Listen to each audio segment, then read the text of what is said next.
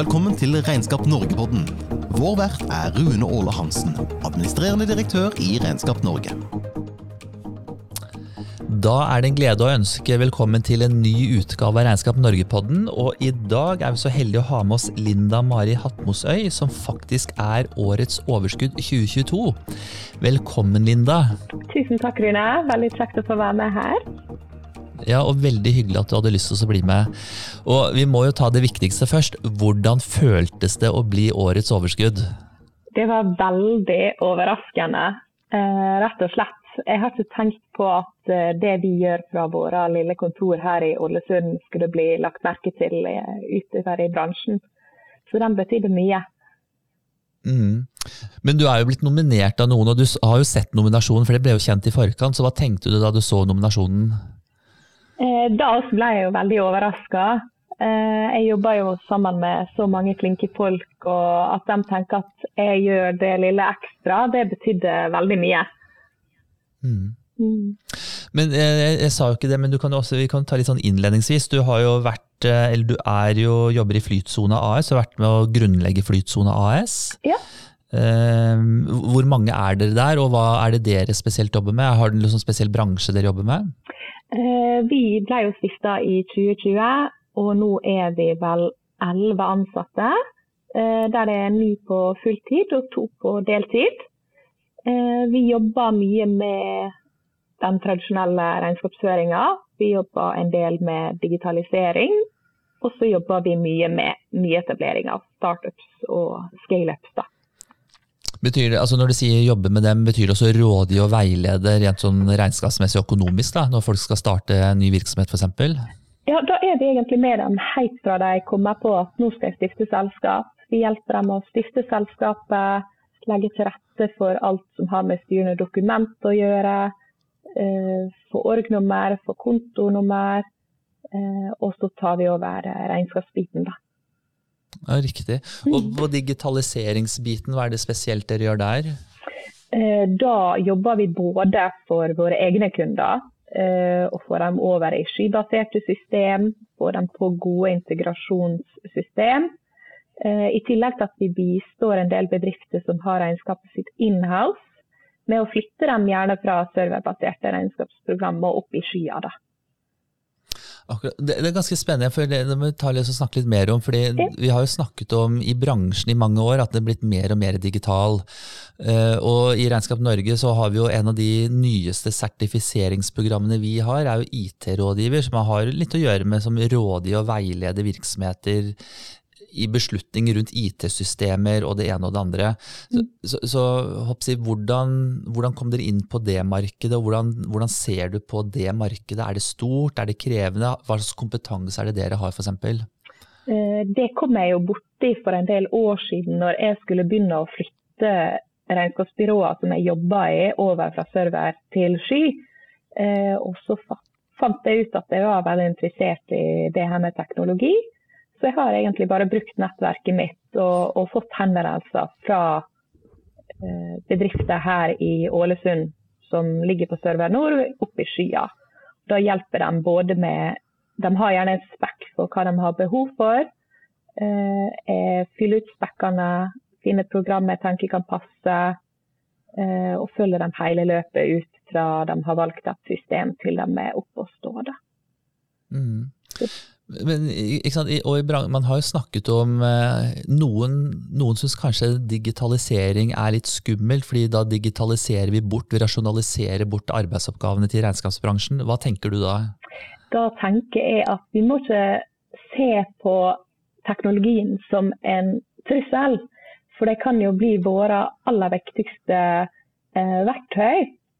For det med teknologien gjør jo at vi kan eh, sette bort disse helt basic oppgavene som bare tar opp tida vår. Det med enkel bilagføring. Det er jo selvfølgelig viktig, men det er mange andre verdifulle tjenester vi heller kan tilby eh, enn, å, enn, å, sitte og legge inn den kvitteringa fra Kaffebrenneriet, f.eks. Mm. Mm. Men, og tenker du i, i, forbindelse med dette her, I Regnskap Norge så har vi mye forskjellige kompetansetilbud ikke sant, til medlemmene. både for å understøtte autorisasjonskravet, men også etterspørsel etter nye ting og tang. Mm. Og jeg nevnte jo dette, Vi har jo dette sertifiseringsprogrammet bl.a. for IT-rådgiver.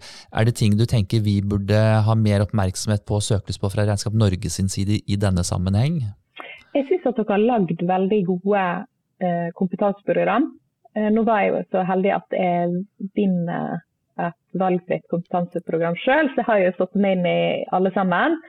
Eh, og nå har vi jo hatt ei som har eh, tatt det lønnssertifiseringskurset og skryter veldig av det. Eh, så det er nok noe vi kommer til å se på mer her. Er det noen som har interesse av å bli med på kompetanseprogrammer? For det ser vi når vi får henvendelser fra kanskje større firmaer som ønsker å sette bort lønnsarbeidet. Så ser de på CV-ene at oi, de er sertifisert innen lønn da har vi et veldig mm. stort konkurransefortrinn der. Mm. Så gøy at du har satt deg inn i alle sertifiseringsprogrammene. Hvilket er det som frister mest? Eh, enten lederprogrammet eller IT-rådgiverprogrammet. Ja. Spennende. Da er, jeg, da er, jeg, spent på å høre når du etter hvert velger hva du, hva du velger og hvordan du syns det er. Ja, jeg gleder meg til å komme i gang. Nå rakk ikke jeg å bli med på årets runde, men bli med på neste års. Ja. Men litt tilbake til overskudd, eh, for det er jo der vi starta. Eh, tenker, tenker, er det en viktig pris for bransjen? Absolutt. Eh, den betydde mye for bransjen. For jeg syns at det, den viser at det er plass til oss som er litt utradisjonelle i måten vi jobber på og driver byrå på. Og ikke minst at den sender et signal om at bransjen ikke bare sier at den er moden for endring, men at bransjen faktisk genuint støtter de som prøver å få til en endring også, da. Mm. Og sånn rent personlig, liksom har, har, har, prisen, hva har den betydd for deg personlig? Jeg har fått eh, veldig bra selvtillit av å vinne den. Eh, er jo ung, og ofte så går jo sånne type priser til dem som har jobba veldig lenge i bransjen. Eh, så det at man også ser på de som har vært her en liten stund, gir jo meg bare motivasjon til å jobbe enda mer og, og motivere de andre, både som jobber her hos oss og de som jeg kjenner ellers i regnskapsbransjen, til å bare stå på enda mer. Mm. Og til, til, dere som lytter, så kan jeg bare referere. altså Vi har jo delt ut denne prisen nå over flere år, og det er jo for å løfte bransjen. og det er ulike altså Kriteriene er jo å løfte bransjen, for å si det veldig veldig enkelt. og Det er det flere ting vi ser på. Og i, den, i årets pris så var det mange fine og flotte kandidater. Det som var utslagsgivende, var jo nettopp det at eh, en ung, flink gründer eh, og regnskapsfører eh, som er aktiv i bransjen, det er veldig gøy og inspirerende å stimulere til deg som egentlig en Kall det deg en foregangskvinne for mange andre. da. Eh, så, så, det er både en anerkjennelse og, og, jeg tenker eh, Du er en rollemodell. Hva, hva, føles det når jeg sier det på den måten? Det har jeg ikke tenkt på egentlig. Eh, jeg syns jo at det er veldig gøy å få jobbe med alle de unge folka som er her på kontoret vårt, som har valgt regnskapsbransjen, og, og hjelpe dem til å, å vokse i roller, få selvtillit, få jobbe med de oppgavene der jeg syns er gøye. Så det er viktig for meg, da. Mm. Men ta det til deg, du er en rollemodell, og det skal du være stolt over.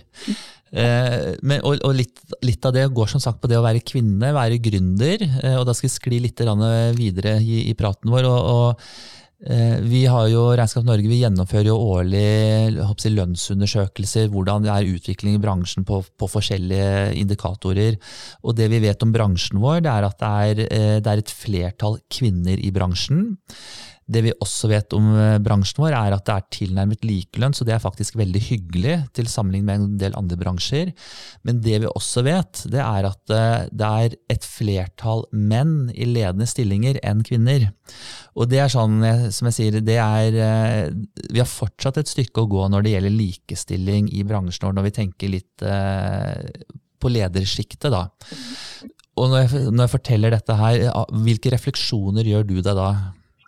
Jeg tenker jo at eh, dette må vi jo få gjort noe med. For det er jo ingen tvil om at kvinner egner seg veldig godt som toppledere. Og sånn som samfunnet har utvikla seg de siste tiåra så ligger jo det store muligheter nå for kvinner å bekle disse topplederstillingene. Mm. Men, men hva, liksom, hvorfor tror du det er sånn, og hva, hva, tror du vi kan gjøre for å endre dette? Eh, jeg tror at det er sånn at vi må se historisk på det. Eh, først og fremst. Det har ikke vært så vanlig tidligere at kvinner generelt gründer selskap. Eh, gutter er mer uredd, de hopper i det og tenker at dette ordner seg. Eh, Selvtilliten er på plass, og da er det lettere å starte selskap. Mens trygghet er viktig for oss jenter, og, det skal mye til før vi eh, går utenfor våre komfortsoner. Spesielt når det kommer til det økonomiske. Eh, og når du skal starte et nytt selskap, så er alltid det økonomiske et usikkert moment. Eh, og da har det kanskje vært enklere å være vanlig lønnsmottaker. Mm. Men, men, du har jo gått den veien selv. Mm. Hva, var, hva, var, det som stimulerte deg? Hvor, hvorfor, hva var det som gjorde at du turte å ta sjansen? Eh, nå har jeg jo vært i denne bransjen i litt over ti år.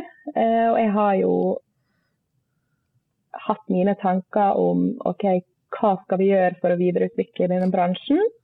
Eh, og jeg var så heldig at jeg møtte to partnere, eh, en som er regnskapsfører og en som ikke er det, som hadde de samme tankene som meg. og eh, Korona kom, og, og du mista litt den eh, det eierskapet til din egen hverdag. da. Eh, så da var det litt sånn OK, men hvis jeg skal ha kontroll over min egen situasjon, så er det kanskje bedre å skape min egen arbeidsplass. Mm. Men det er jo, Mange tenker det, mange snakker mm. om det, men det er mange som ikke tør å gjøre det. Du turte faktisk å gjøre det. Ja. Og, og liksom, Hva var det virkelig som gjorde at du turte å ta det ekstra skrittet og faktisk etablere? Det var at uh, han partneren min uh, sa til oss at det, men han er seriegründer, og han har gjort dette mange ganger før. Og han sa men hva som er det verste som kan skje, det er at det ikke går. Da har dere knallbra erfaring, og dere får dere ny jobb fordi regnskapsførere er etterspurt. Men da har dere vært fall prøvd. Og da fikk vi et lite spark bak. Ja, Så bra. Og, ja, ikke sant? Og da, du, hva tenkte du da? Tenkte du at det er helt riktig det han sier, eller hva tenkte du? Ja, jeg tenkte det. Eh, men jeg skal innrømme at den første månedene når vi sitter der og jobber, og det har ikke kommet inn så mange kunder, så, så tenkte jeg at det går dette. Skal jeg bare gå tilbake til en vanlig jobb? Men da var det fint å ha med seg to stykk. Så vi løfta hverandre opp når, når vi hadde nedturer og bare dette får vi til. Vi må ha tålmodighet. Salg tar tid. Eh, vi må stå på eh, den kompetansen som vi tilbyr, at, at den er etterspurt i markedet. Og når den første kunden kom inn, så var det det var som å vinne i Lotto, nesten. Uh, og da fikk du en sånn Nei, nå har jeg én, nå skal jeg ha ti. Og så bare baller det på seg. Hvor mange kunder har du nå, da? Nå tror jeg vi har rundt 250. Ja, nettopp. Og ja. hvor mange skal dere ha da? Det kommer jo litt an på hvor mange flinke folk vi får inn. Eh, det er jo vanskelig å få tak i regnskapsførere her oppe. Eh, så vi prøver jo å, å, rekruttere folk inn i bransjen. Eh, både de som skal ut og studere, og de som, som snuser bort i bransjen og kanskje kommer fra Eh, bank eller finans og, og har funnet ut at det er flytsone hørtes spennende ut, her hadde jeg lyst til å være. Ja, bare, Det er mange ting her, men apropos, det burde jeg spurt om i stad. Flytsona, hvorfor det navnet? Hva betyr det? Hva, liksom, hva, ligger bak? Det er liksom ikke sånn regnskapsfører, eh, regnskapsforetak-typisk navn? Nei, det var ikke det. Uh, flytsona var egentlig han partneren vår som hadde tenkt å kalle holdingselskapet sitt for Flytsona. Så sa jeg nei, takk. Uh, dette syns jeg var så bra at dette kaller vi regnskapsforetaket vårt. For det å være i flytsona er jo at det, alt skal gå som smurt. Uh, og det er jo det vi vil gjøre for kunden vår. De skal slippe å tenke på alt som har med regnskap å gjøre. Det ordner vi for dem. Mm. Så, så, bra. Men, men apropos han, han, eh, partneren din, da, som da var seriegrunner, var det også litt, var det litt sånn betryggende å ha med seg igjen med den erfaringen som gjorde, gjorde også at du har turt å satse, eller var ikke det så farlig? Ja, absolutt. Han har vært en viktig del både for uh, meg og kvinnelige partneren min som er med. Uh, for han har gjort dette før. Han, uh, han, vet at det tar tid å starte opp et selskap, og han har vært veldig flink å løfte oss opp og støtte oss. Og bare fått oss til å holde ut i starten. Og nå har, mm. Nå har han trett ut av selskapet, for nå, nå er det oppe og står og, og går fint. Så nå skal han finne andre, andre å hjelpe å starte? Ja, nå har han starta flere nye selskap. Ja. Men hva vil rådet ditt være, og det er vel litt av det dere gjør da, i hverdagen som for noen av kundene deres, hjelpe dem til å starte egen virksomhet. Og mm. hva er ditt råd hvis du da jeg, treffer noen venner eller venninner, altså når du kunder for den saks skyld, da, mm. som sier at jeg har en idé, jeg har lyst til, jeg tenker på, og osv. osv. Men du, du, ser, og du har jo kjent på det sjøl, eh, nølingen, eh, utryggheten osv. Hva er rådet ditt? Liksom, hvilke trinn eller etapper? Hva er, du, hva er du sier til de som, eh, for å stimulere folk til å tørre å ta en sjanse, og eventuelt fraråde dem også? Gjør du det også? Det er litt interessant å høre, for så vidt. Da sier jeg først og fremst at finn det. Skal du ha med deg partnere, finn deg gode partnere. For de, må du stå i med i tykt og tynt. Eh, og så anbefaler jeg dem å, hvis de ikke vil være her hos Flytsona, finn deg en regnskapsfører som kan hjelpe deg. Ikke bare med regnskapsførere, men å være din høyre hånd. Som genuint er interessert i at du skal lykkes. Ikke bare fakturere det timer, men at, at det er like viktig for dem at du har suksess som for deg sjøl. Og det, det, gjør vi her i, i Flyttsona. Når våre bitte små kunder gjør sitt første salg, så er vi like stolte som dem. Mm. Så det er Men har du, no, har du noen gang rådet folk til å ikke starte? Ikke per nå. Nei. men uh, jeg ser nok mange som kanskje ikke burde ha starta, men som allerede har gjort det. Og Hva er det du ser da? Hva er det du tenker som gjør at de ikke burde ha startet? Eh, at de er veldig dyktige på fag, men akkurat business-biten, det å drive selskap, eh, der har mange en lang vei å gå. Spesielt de som kommer til oss som også har tatt regnskapet sitt sjøl i starten. Og så har det bare balla på seg fra skattemyndighetene med tvangsmulkt og rente, ting som ikke blir levert. Jeg eh, syns at det er litt skremmende at folk ikke er klar over hva som forventes av det når du faktisk starter et selskap.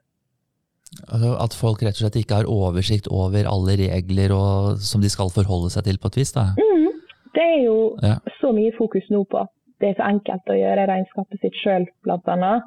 Uh, men det folk ikke vet, er jo at eh, myndighetene stiller jo like strenge krav til det om du gjør det sjøl, som til oss som sitter og gjør dette dag inn og dag ut. Mm. Er det mye sånn ryddejobb dere har? Mye. Det er mye. Og, og, hva sier, ja, og, hva sier, de kundene da? De tror jo at de har hatt alt på stell. Eh, vi hadde jo en case før sommeren. Han, han har gjort regnskapet sitt sjøl, vi skulle bare hjelpe med årsregnskapet. Eh, og det var ikke et eneste kvittering, faktura, i regnskapet. Så han endte jo opp med å måtte lønnsinnberette over 300 000 på seg sjøl.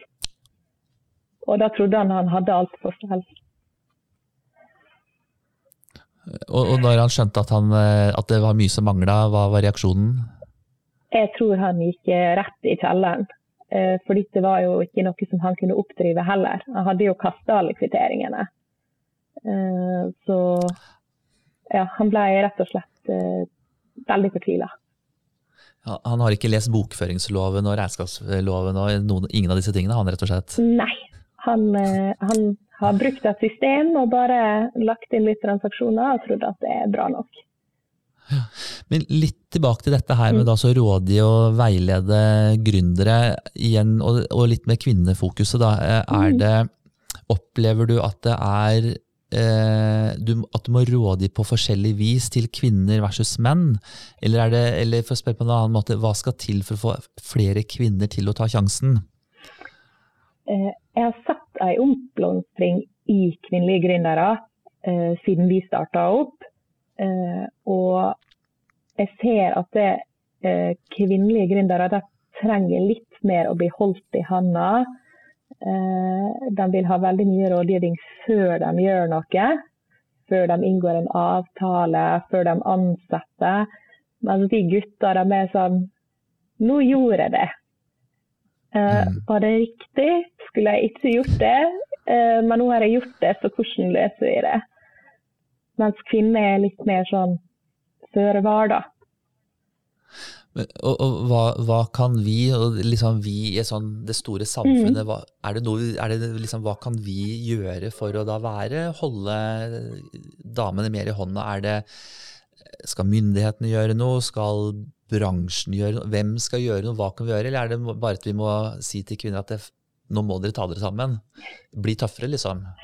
Eh, I regnskapsbransjen så tror jeg at vi generelt er på god vei til å få kvinnelige toppledere når vi får fjerna det kravet om at daglig leder må være autorisert. Det tror jeg. For driver du et regnskapsbyrå, så må du være flink med folk. Du må være nøye og strukturert, omgjengelig, og du må ha stålkontroll. Og dette er jo egenskaper vi kvinner er eh, kjent for å være gode på. Eh, og i mange byråer så sitter jo der damer allerede i dag som praktisk talt styrer alt som skjer, og som like gjerne kunne styrt hele sjappa.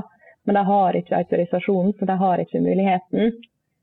Så jeg tror at om vi får fjerna dette kravet, så vil mange kvinner, og da tenker jeg kanskje er spesielt med erfaring innenfor HR eller konsulentbransjen, egner seg veldig godt til å ha disse toppstillingene i regnskapsbyråer.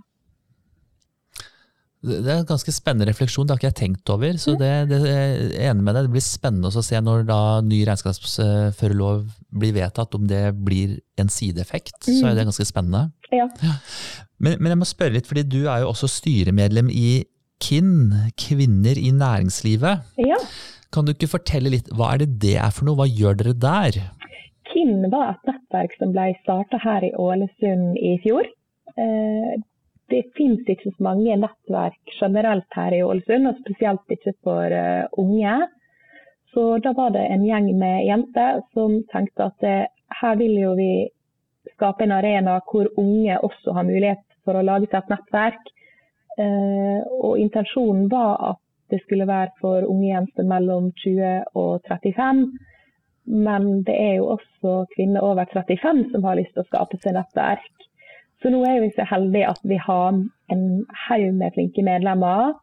Vi arrangerer eh, treff der vi inviterer inn kvinner. Sist gang hadde vi Gunvor eh, Ulstein, som har vært konsernsjef i Ulstein Group i mange, mange år, som snakker om si reise. Eh, vi har medlemmer som forteller om si reise, både som gründere og som mellomledere og ledere i sine bedrifter. Eh, og så har man det bare hyggelig, egentlig. Mm. Og hva er, liksom, hva, hva er, kjerneideen, hensikten med dette nettverket da? Eh, det er jo rett og slett bare å, å være en nettverksgruppe og koble folk sammen. For når du er ung, kanskje du kommer rett fra skolen, så har ikke du dette nettverket som de som har jobba en stund har. da. Uh, Litt det, den der hånda å holde i som vi snakket om i stad? Ja, absolutt. Mm. absolutt. Det, det, er jo, det, er jo, det, er jo, en del sånne nettverk rundt om. Det finnes jo, og, og kanskje litt mer organisert i, i, bransjeforeninger, i NHO, så er det jo sant, ulike tiltak. Mm. Er det sånn at dere tenker at dere skal koble dere på noe av dette her, eller er det sånn at dette her er, dette er noe som lever i Ålesund-regionen? Eh, og så får vi bare se hvordan det utvikler seg. Det viktigste er å være den hånda lokalt, er det det dere tenker? Ja, akkurat nå så holder vi det lokalt på Ålesund og omegn. Eh, men vi er jo åpne for å koble oss på andre nettverk. Nå skal mm. vi ha strategisamling om et par uker og legge veien videre. Og, og, men hvor, hvor, formelt er dette nettverket? da? Altså når du forteller det skal strategisamling, så tenker jeg det høres det ut som dette er jo business? Eh, ja, det er ikke så formelt egentlig. Eh, men når vi først arrangerer treff og folk setter av tid til å komme, så ønsker vi å ha et bra program og ha spennende damer som er der og snakker. Eh, ja. Mm. Og, og hvor, ofte, hvor, ofte, møtes dere, og hvor ofte har dere program? og ja, Hvordan fungerer det, rett og slett? Målet er vel å ha møte, eh, medlemsmøte annenhver måned. Så fremt vi får bruke litt av tida til disse damene som vi ønsker å ha med. da. Så det kommer litt an på dem også, når tid de har anledning. Men vi arrangerer julebord, vi har uh, afterwork-treff. Uh, både for å koble folk uh, ha dette jobbmoduset når vi, når vi er på foredrag, men også å liksom ufarliggjøre det litt med å bare møtes etter jobben på en fredag. Mm. Jeg ser at Nettverket skal på en måte dekke Sunnmøre, altså Sunnmørsregionen. Hvor, hvor hvordan har det utviklet seg? Hvor mange var det som startet, hvor mange er det dere som er i nettverket nå? Jeg lurer på om det er rundt 100 som er med i nettverket. Eh, så det balla veldig fort på seg når dette først ble lagt ut. Det gjorde det. Ja. Ja, liksom, hva slags oppmerksomhet har dere fått? Er det fått noe spesiell oppmerksomhet, eller er det bare sånn eh, altså det, det, bare ryktes, og så tar man kontakt sånn via ryktebørsen? Ja, det første innlegget ble jo lagt ut på LinkedIn. Eh, at det nå var dette etablert. Og da kom jo det vel inn kanskje 50 medlemmer på en dag eller to. Eh, og så har vi Instagram og Facebook der vi legger ut i god tid før hvem som skal snakke, hva som skal skje. Eh, vi har ikke egentlig fått noe medieomtale. Det har vel mest ryktes, og folk tar med seg en kollega eller en venninne. Og, og, dette er for alle bransjer? Ja, dette er både for de som jobber i privat sektor, de som jobber i offentlig sektor. Så det er kjekt å møte folk som kanskje har den samme jobben som det, men som jobber i kommune eller i, i større bedrifter, mindre bedrifter. Veldig lærerikt å, å møte andre. da. Mm. Men noen vil jo kanskje si at eh, også unge, nyutdanna menn eh, har behov for nettverk. Hvorfor får ikke de lov til å være med? Eller vil du de må klare seg sjøl for å starte et eget nettverk? Eller hva tenker du? Jeg tenkte at de også burde jo absolutt ha et nettverk. Eh, men nå var det grunntanken kom ut ifra ei jentegruppe som satt på NTNU, eh, som ville skape noe for jenter. Men om vi nå kan kanskje finne noen gutter som er interessert i å lage det samme for gutter, eh, så hjelper vi dem gjerne med det. jeg jeg, jeg syns det ser veldig fint ut, og igjen litt tilbake til der vi startet, at det er noe med på forskjellig vis å være med å løfte, løfte kvinner. Da, I vår egen bransje, som vi snakket om, så er det noe med å få løfte kvinner til det siste skrittet, også være, så vi får en mer jevn, jevnbyrdig, mer likestilt eh, toppledersjikt mm. eh, i vår bransje. Eh, og så er vel vi kanskje kommet lenger som jeg sier, i vår bransje når det gjelder like lønn og en del slike ting. Mm. og Der har nok andre kanskje mer utfordringer. Absolutt. Men la oss snakke litt om bransjen vår. Hva tror du om bransjen vår? Jo du, du har vært i bransjen i ti år, og som jeg skjønner, sant, dere er veldig bl.a. på teknologispor og digitalisering, og det er jo noe som man snakker mye om. Hva ser du for deg av utviklingstrekk? Hva tenker du er spennende, hvis du skal se en sånn krystallkule? Hva, hva, tenker du dette blir spennende framover? Lett er litt sånn skummelt? Eller ja, små, store tanker? Jeg syns jo at regnskapsbransjen fremover bare blir mer og mer interessant. For når du spør eh, ungdommer i dag kunne du tenke deg å bli regnskapsfører, så, så er det ikke så mange som svarer ja. Altså, eh, de tenker at vi sitter der med denne regnskapskalkulatoren vår og, og gjør det samme hele tida. Men vi, vi, gjør jo kanskje regnskap 50% av tida, og så gjør vi så mye annet spennende den resterende tida. Eh, og nå når vi får kobla på mer teknologi som de unge er veldig gode på og interessert i, så vil vi få en annen type regnskapsfører. Så jeg tror at kanskje om fem år, fem til ti år, så vil den beste byråmodellen vil bestå av regnskapsførere, selvfølgelig. Men også en del ansatte med annen bakgrunn. Kanskje har man rene økonomer, kanskje har man teknologer, og kanskje har man konsulenter. Så man mm. bygger opp mer et kompetansebyrå. da. Mm. Du sa litt innledningsvis at uh, noe av utfordringen er, er, rekruttering, og at det, dere også jobber med rekruttering. og I dette perspektivet, hva gjør dere for å rekruttere? Vi er så heldige at vi har en del som kommer til oss direkte. Uh, vi legger mye fokus på brandingen vår. Eh, vi bruker mye sosiale medier. Så folk syns det er et spennende selskap å jobbe i. Så de tar kontakt med oss og, og bare Her har vi lyst til å jobbe. Kan jeg få legge inn CV-en min? Uh, men når vi legger ut stillingsannonser, så prøver vi å legge den ganske åpen. Uh, for de som har kommet til oss, og som er veldig gode regnskapsførere i dag, de hadde ikke nødvendigvis denne lange erfaringa som regnskapsfører, men de hadde veldig mange andre kvaliteter som vi har bruk for. Og så mm. bygger vi dem opp på regnskapssida. Mm. Du nevnte jo dette her, og det er jo flere som påpeker at eh, begrepet, eh, tittelen regnskapsfører, er eh, for noen kanskje litt traust. Mm. Eh, og så handler det da om å fortelle, som du nå nettopp gjorde, hva mer ligger i jobben, i yrket faktisk. Mm. Så når dere har annonser, hva er det dere, for å spørre rett ut, altså hva skriver dere da? Vi skriver at det man skal jo jobbe med regnskap, men at det er en liten bit av det. Hverdagene våre er så variert. Jeg kan ikke komme på en jobb nesten som har en mer variert hverdag enn oss. Vi får jobbe med så mange forskjellige ting. Når vi har over 200 kunder, så er jo vi borti så mange case fra dag til dag eh, som både utfordrer oss som har vært her lenge, eh, og som utfordrer de nye. Og det er en bratt læringskurve å jobbe på denne måten, og jeg, jeg tror de syns det er gøy. da. De, mm. de, kommer inn i bransjen og tenker sånn ja, jeg skal prøve det litt ut. Og så ser de at vi gjør så mye annet spennende at de tenker ja, det var regnskapsfører jeg hadde lyst til å bli. Mm. Mm. Vi, vi, har jo altså det, eh, Rekruttering er jo en utfordring for så vidt for bransjen vår og egentlig hele norsk næringsliv for øyeblikket. Eh, og Regnskap Norge vi er jo midt inne i avslutningen på å utarbeide ny strategi for Regnskap Norge, strategisk plan for de kommende årene. og Det som er eh, veldig tydelig blir løftet fram som et satsings området overbygning, er nettopp dette med rekruttering og også omdømmebygging. Liksom støtte opp om det gode omdømmet vi har, og få enda flere til å bli kjent med oss, faktisk. Mm. De som kjenner oss, de vet jo at vi er flinke og dyktige, for å si det rett ut, mm. men, men det er mange som ikke kjenner til oss.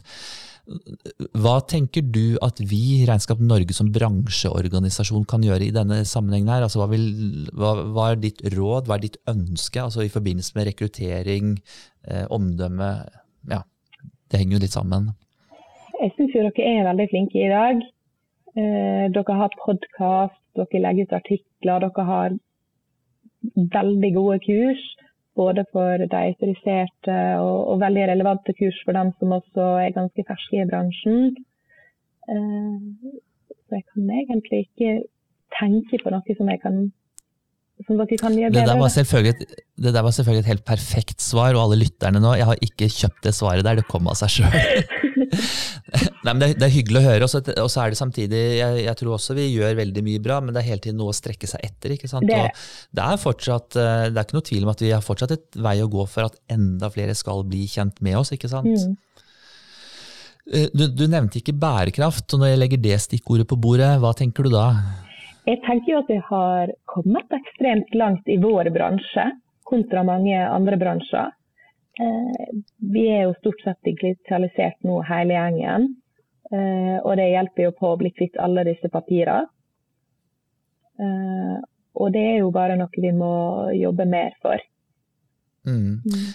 Og, og, sånn I rekrutteringssammenheng, har du opplevd at det er noe som også de yngre eventuelt er opptatt av, eller? Nei, ikke akkurat hos oss. Vi jobber jo utelukkende digitalisert. Eh, så vi har ikke fått noen spørsmål enda. Det har ikke vi. Mm. Du har jo snakket en del om sant, nettopp det at eh, bransjen og, og hos dere så er det jo mye Vi jobber mye med regnskap, men veldig mye annet også, som du sier. Mm. Og i det perspektivet, hva tenker du er viktig kompetanse i tiden framover? Altså for bransjen som sådan, hva, hva er viktig både, både, når vi skal fortelle til nye, potensielle nye kollegaer, men for egen del også. Hva, hva, er, hva, er, viktig kompetanse framover å tilegne seg? Det jeg absolutt ser fordelen av, det er å ha økonomer med på laget. For noe av det som kundene våre spør mest om, eller trenger mest, det er en del oppgaver som supplerer regnskapet. Vi leverer regnskap, men de ønsker Det er ikke alle som har en CFO eller en økonomansvarlig i bedriften sin. Så om vi kunne hatt et team her med både regnskapsførere og de med økonomisk bakgrunn, uh, så tror jeg vi kunne hjulpet dem mye, mye bedre. Mm. Men er det, er det sånn, sant, Når vi snakker om dette her, er det da eh, ting vi bør se på i vår egen Regnskap Norge sin kursportefølje? Er det ting, nye ting vi bør putte inn der for å liksom treffe andre behov i framtida? Nå syns jeg dere har klart det ganske bra. For de kompetansekursene som dere har, går jo på veldig mye annet enn regnskap. Og det, de kompetansekursene dekker egentlig de andre behovene som våre kunder har i dag. IT-rådgivere. Mm. Vi er jo med dem, spesielt startupsene, så blir man jo fort en, en leder. Uh, så dere har kommet veldig bra med de kompetansekursene. Mm, mm. Ja, det, det, er godt å høre, og så kan jeg bare si både til deg og ikke minst alle som hører på, sånn at det er jo, dette er noe vi jobber med hele tiden. Det ene er å oppdatere kompetansen der det kommer nye lover og regler, eller der skjer endringer i eksisterende lover, lover og regler.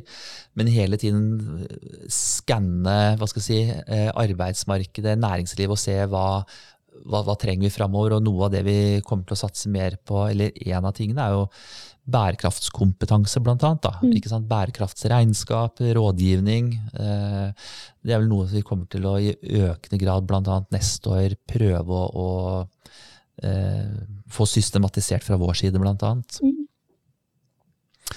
Men litt, sånn, litt, mer sånn generelt om bransjen. Hva mm. tenker du er den største utfordringen? Altså usikkerhet, utfordring eh, for bransjen?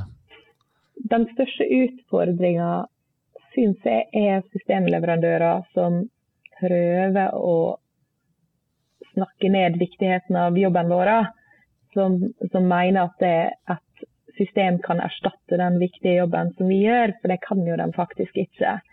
Eh, og det er jo ikke bare dumt for oss, men det er veldig dumt for kundene som, som tenker at de kan gjøre dette her sjøl, og så er ikke de klar over alle lovene du må sette deg inn i, alle reglene som er. For det får de ingen beskjed om. Uh, og det tenker jeg er veldig skummelt.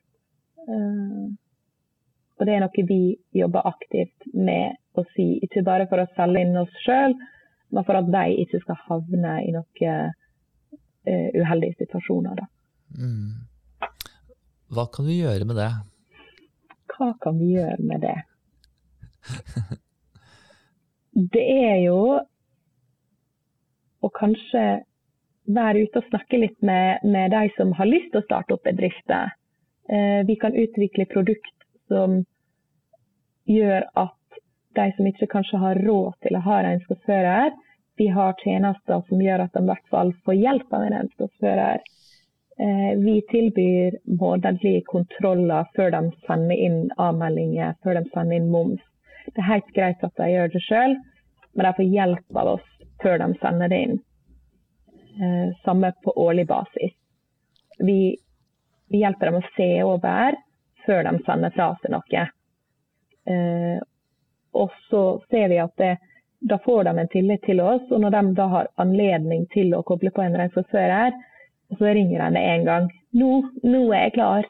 Eh, nå kan du få ta over alt. Det, det, er ganske spennende at du sier det, fordi det er andre, noen andre jeg har også snakket med som løfter opp nettopp dette her med den kontrollfunksjonen. Mm. Rådgi og veiledning og kontroll. Eh, kontroll av innleveringer, av etterlevelse av regelverk osv. Mm. Så, så, og, og når du da snakker om at, og det er ganske spennende det òg, at andre typer produkter fra regnskapsføreren som treffer da de nystartede som har litt dårlig råd, veldig spennende måte å, te å tenke på. Absolutt. Mm, for Jeg hadde jo halvveis også tenkt at du skulle si at vi må utfordre systemleverandørene, for det gjør vi også. Eh, altså, Regnskap Norge vi har jo jevnlig dialog med systemleverandørene, men jeg tenker den, også den kan bli bedre. Også der kan vi bli tydeligere. Mm. Og det kan godt være at vi skal bli tydeligere og skarpere på akkurat det som du snakker om. Um, fordi systemleverandørene vil jo si at ja, men vi er jo gode venner og vi, vi er jo avhengig av, av, hverandre. ikke sant? Og vi er jo avhengig av systemleverandørene, mm. uh, at det er gode systemer. Uh, men, men, det er nettopp som, som flere for så vidt sier, at Eh, den kunstige intelligensen den er for det første kunstig, mm. eh, altså ikke nødvendigvis intelligent, det er bare det et repeterende læring. Og så har det ikke den eh, tilleggskompetansen da, som ligger i rådgivningen som, som, vi, kan, som vi, besitter på som regnskapsførere. Mm. Og Det jeg ser med AI, er jo at hvis noen laster opp eh, en kontoutskrift og, og, tenker at ja, dette er bra nok dokumentasjon for eh, kjøpet mitt på Elkjøp, så godtar systemet det. Eh, ah. Og det, det, ser jeg mange som har gjort. De bruker kontoutskrifter. De får ikke noe error i systemet, så alt ser jo helt tipp topp ut. Uh, og så kommer jeg og sier at jeg beklager, men sånn er ikke det. Uh, så at systemleverandørene bør fokusere litt mindre på å liksom gjøre jobben vår overflødig, da. Mm. Ja. Mm. Og heller spille på lag. Ja, ikke sant. Det er mm. nettopp det at vi må kanskje, vi har et stykke vei å gå, men målet må jo være å bli mer, at vi blir mer lagspillere. Mm. Eh, at vi drar, drar lasset tydeligere i samme retning, og ikke spiller hverandre ut av banen. Mm. Ja. Men du, jeg, det er en ting jeg kom på som jeg bare spørre, og da har jeg lyst til å gå litt tilbake igjen til dette her med likestilling og kvinner, og liksom løfte, løfte kvinner i bransjen. Jeg må bare spørre, fordi det er et tema i noen sammenhenger i disse dager, ja. og stikkord er kvotering. Mm. og da bare spør jeg, hva tenker du om det? Kvotering, Bør vi ha kvotering i bransjen vår, f.eks.? Kvotering er alltid et litt sånn sensitivt tema. Eh, for, det er derfor jeg spør. For det er så tosidig. Eh, på én side så er det veldig viktig å ha kvinner med. Kvinner har mange egenskaper som menn ikke har. Men samtidig så skal jo du også ha den beste kompetansen. Eh, og hvis det da er menn som har den beste kompetansen, og si du har syv, de syv beste menn til jobben, og så har du kvinnen, ei første kvinne på åttendeplass. Så, så er det syv veldig dyktige folk som ikke får jobben fordi det må være ei kvinne. Så ja, det er litt todelt for meg, da. Mm. Det er det. Ja, jeg er helt enig med det. Det er vanskelig, og det er litt sikkert avhengig av hvor man sitter. Mm. Men i disse dager så diskuteres jo altså fra regjeringen sin side om man skal eh, innføre krav om kjønnskvotering i, AS-styrer. Mm. Ikke sant? Mm. Eh, og det vil jo f.eks. bety at Flytsone AS blir underlagt krav om 40 eh, kjønnsrepresentasjon. Mm. ikke sant? Hva, hva, tenker du da? På AS så tenker jeg at det, det vil ikke være gunstig i det hele tatt. Eh, et AS kan jo bestå av én person, det kan bestå av to personer. Og så må du begynne å kvotere inn. Eh, så det tror jeg egentlig vil virke mot sin hensikt. Det tror jeg. Mm. Ja. Men i noen sammenhenger så kan det vel kanskje være altså Man sier jo gjerne det at eh, inntil det er en kritisk masse av det underrepresenterte kjønnet, det kan være mann eller kvinne, ikke sant, mm. så, så, så, vil hele tiden den dominerende gruppen fortsette å dominere. Og kritisk masse tror jeg man har forska seg fram til er 30 mm. Altså Hvis du har da eh, en arbeidsstokk, et styre hvor det er færre enn 30% av et kjønn, så vil de hele tiden bare fortsatt bli, forbli små, da, eller bli, bli i en minoritet. Så, så, så, i et sånt perspektiv da det, kan det være fornuftig da, kanskje også ha, ha noe kvotering til tider, sånn som man har hatt i ASA-styrene? Ja, til tider jeg tror jeg det. Og det er jo noe som man bør jobbe for, selv om det ikke er et krav. Eh, for man har jo alltid godt av å ha erfaring og synspunkt fra begge kjønn. Eh, mm. Så selv om ikke vi, f.eks. når vi rekrutterer aktivt søke etter menn, for her er vi flest eh, kvinner, så må vi til slutt se på hvem er det vi har lyst til å ansette, hvem tror vi passer best i jobben. Eh, selv om de to gutter som sitter her, gjerne skulle sette en gutt til, så har det blitt eh, flere damer. Ja, ikke sant.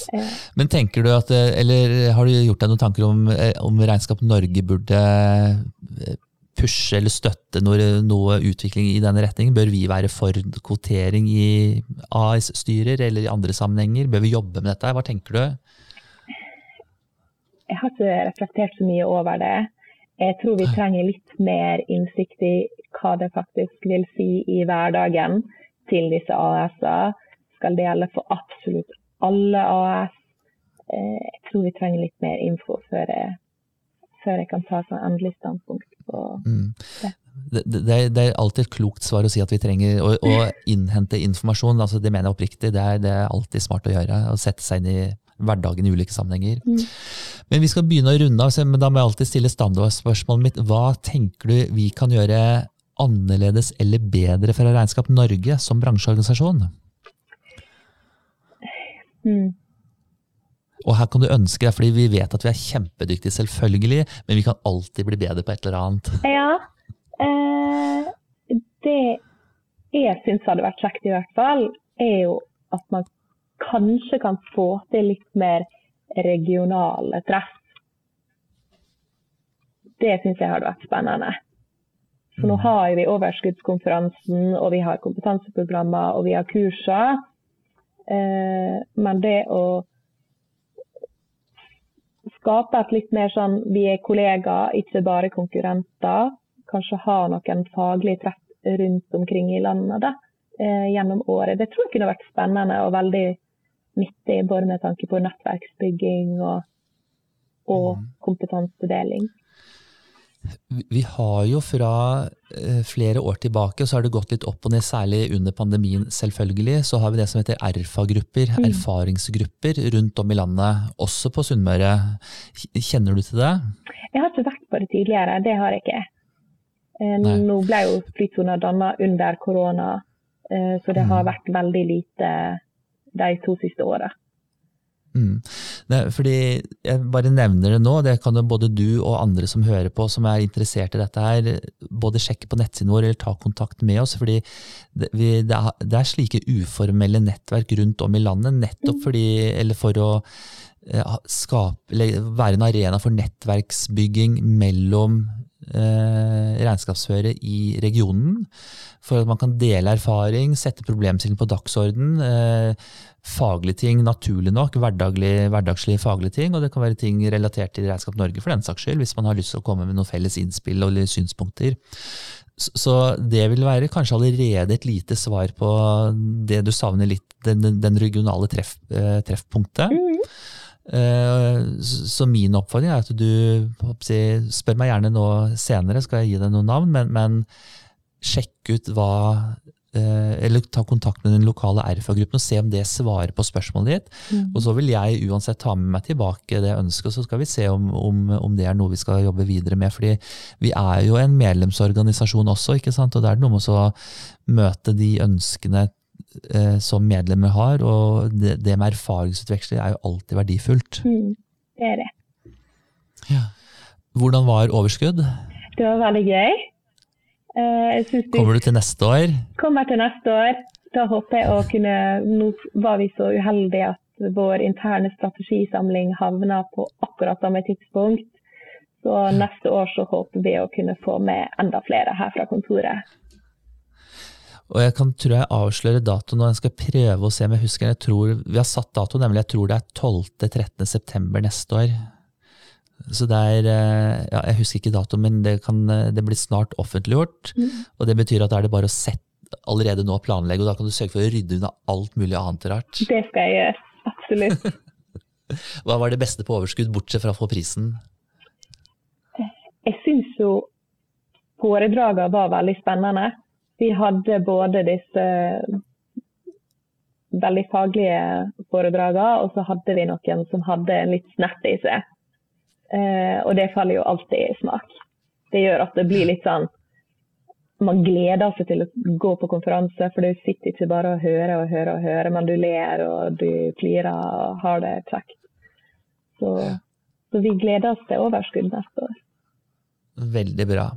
Men vet du, Linda, da har vi prata sammen en god stund. Det har vært kjempeinteressant og veldig veldig hyggelig. Ja, takk det samme. Og tusen takk for at du delte litt av overskuddet ditt med oss. Og jeg gleder meg til at vi skal treffes på overskuddet til neste år. Det gjør jeg også. Takk skal du ha, og fortsatt fin dag. Du også, Rune.